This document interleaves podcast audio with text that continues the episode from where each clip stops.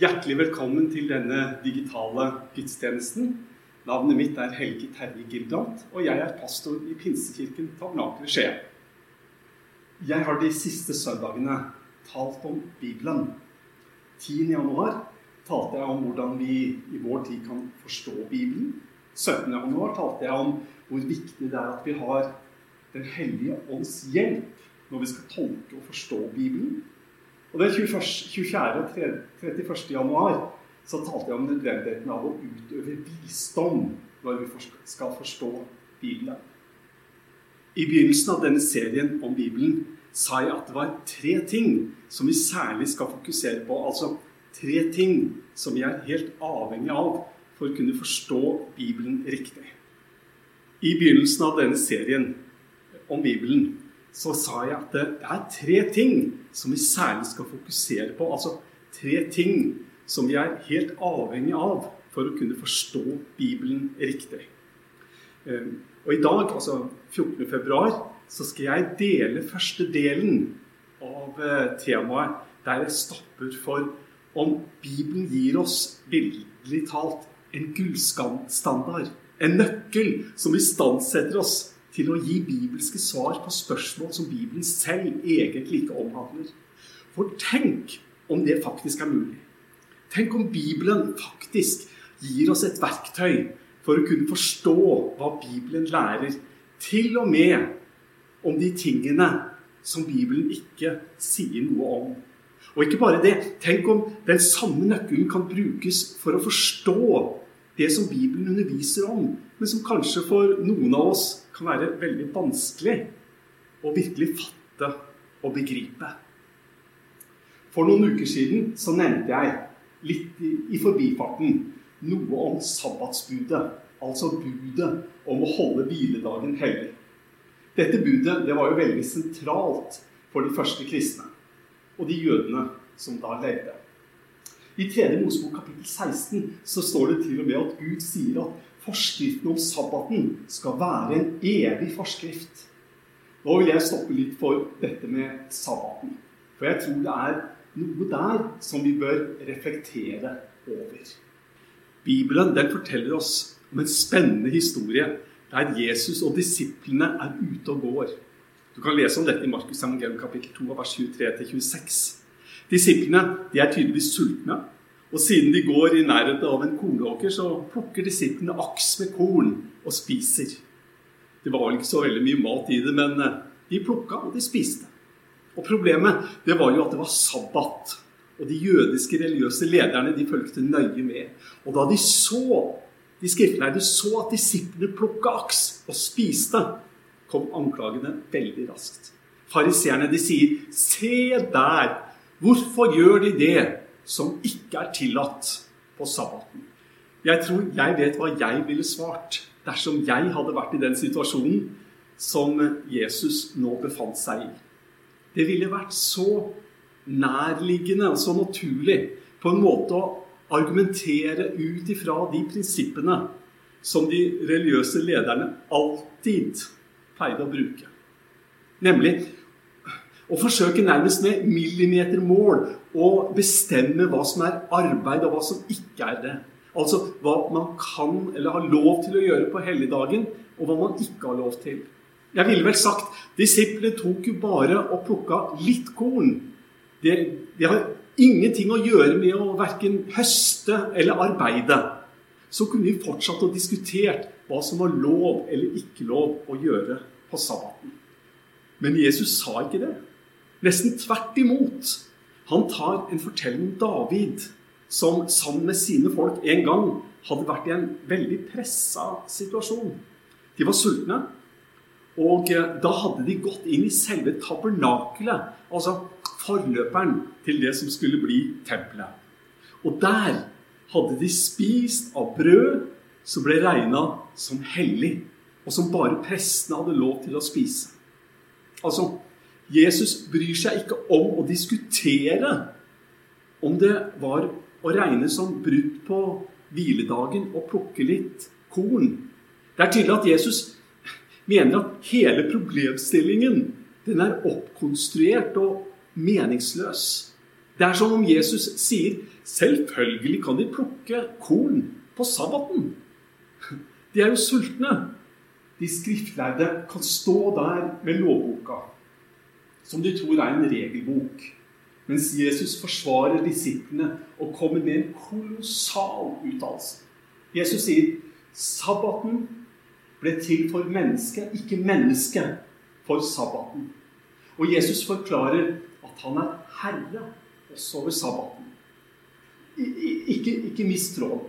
La meg bare, la meg bare ta ett lignende eksempel, som også gjelder budet om å holde hviledagen hellig.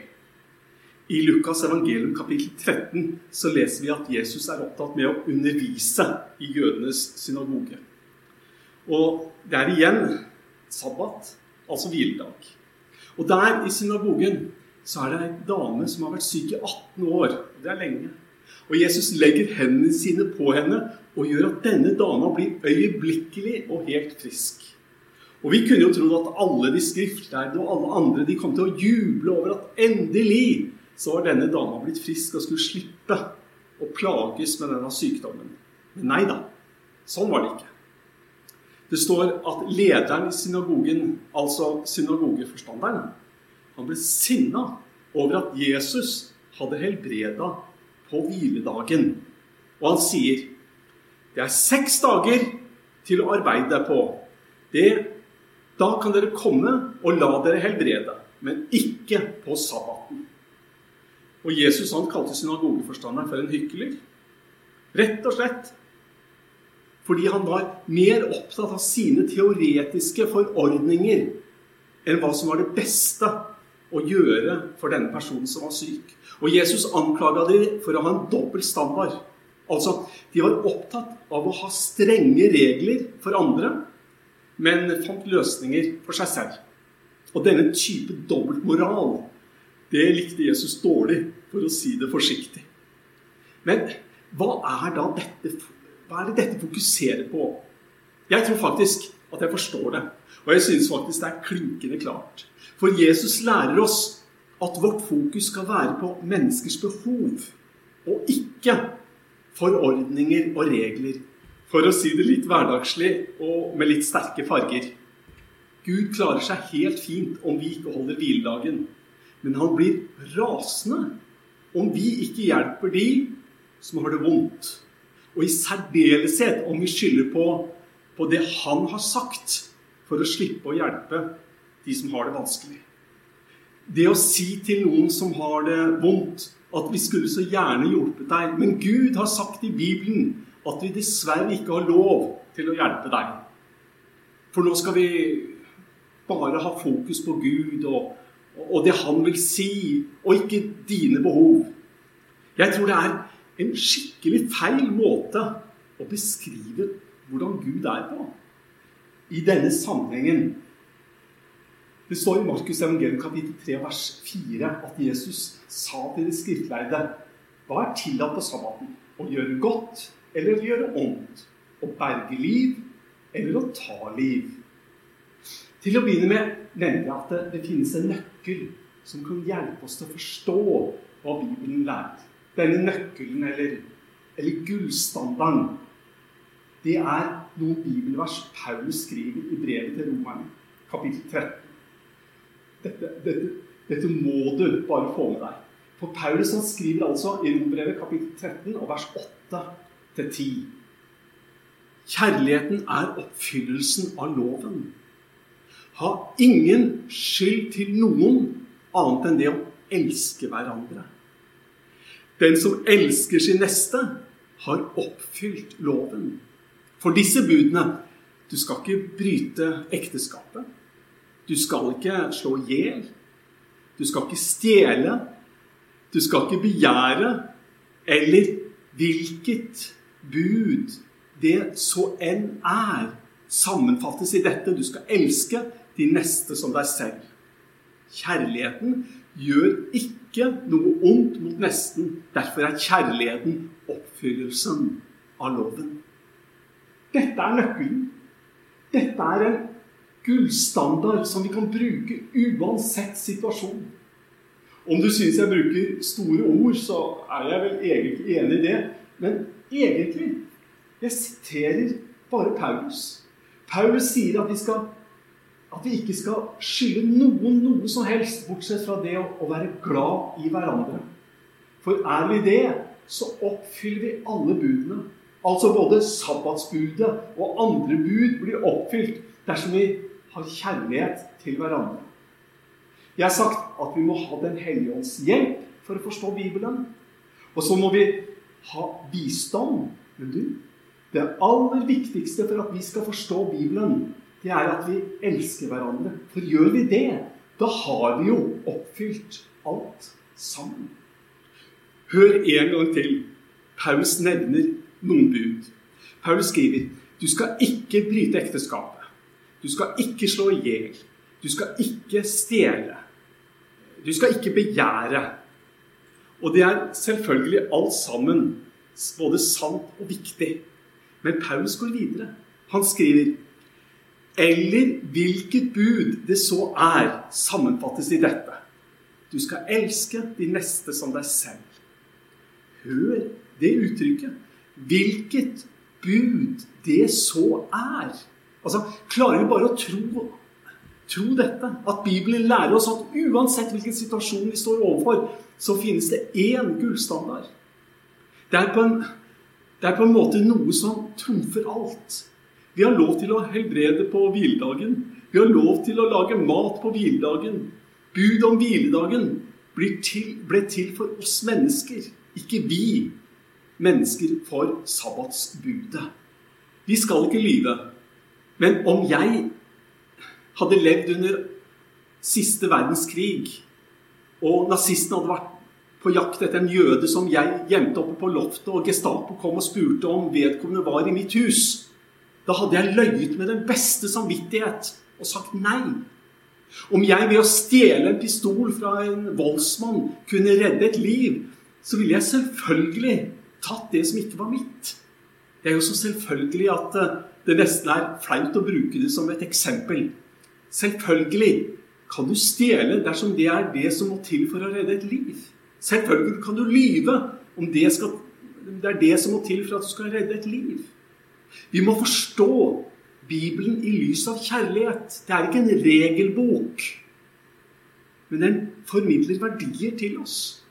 Det er så fullstendig forkastelig å bruke Bibelen til det motsatte av det Bibelen er ment å hjelpe oss til. Bibelen skal jo hjelpe oss til å gjøre det gode, ikke hindre oss og dersom våre liv er styrt av ekte kjærlighet, da går vi ikke rundt og verken stjeler eller lyver eller utnytter de svake eller utøver vold eller sprer uhygge og redsel. Det er Bibelen som lærer oss at Bibelen aldri må misbrukes til ikke å gjøre det gode. For størst av alt er kjærligheten. Jeg skal fortsette neste søndag med at Jesus sa til disiplene sine et nytt bud gir jeg dere. Dere skal elske hverandre. Som jeg har elsket dere, skal dere elske hverandre. Jeg vil la det verset som vi altså skal stoppe for neste søndag, være konklusjonen på dette vi nå har fokuset på. Jesus sa at vi skal elske hverandre slik han har elska oss. Dette, dette er helt sikkert, og det er helt sikkert helt grunnleggende. Du og jeg trenger å lære hva det innebærer å virkelig elske noen på en uselvisk måte. Og det har vi Det kan vi lære av Jesus. For han sier 'Som jeg har elsket, skal dere elske hverandre'. Dette er så bra. Det er dette Jesus lærer oss. Og kristendommen, det er ikke en haug med regler. Bibelen er ikke en regelbok. Og Bibelen lærer oss at størst av alt er kjærligheten. Og Bibelen lærer oss at Gud er kjærlighet, og ingenting er større enn Han. Før jeg lyser velsignelsen, og før du får lytte til en flott sang av Hanna og Sara, la meg lese enda en gang det Paulus skriver i Rombrevet kapittel 13, fra vers 8. Ha ingen skyld til noen annet enn det å elske hverandre. Den som elsker sin neste, har oppfylt loven. For disse budene du skal ikke bryte ekteskapet, du skal ikke slå i hjel, du skal ikke stjele, du skal ikke begjære. Eller hvilket bud det så er, sammenfattes i dette. Du skal elske din neste som deg selv, og kjærligheten gjør ikke noe ondt mot nesten. Derfor er kjærligheten oppfyllelsen av loven. Ta imot Herrens velsignelse. Må så vår Herre Jesu Kristi nåde, Gud vår Fars kjærlighet og Den hellige ånds samfunn være med deg i Faderens, Sønnens og Den hellige ånds navn. Amen.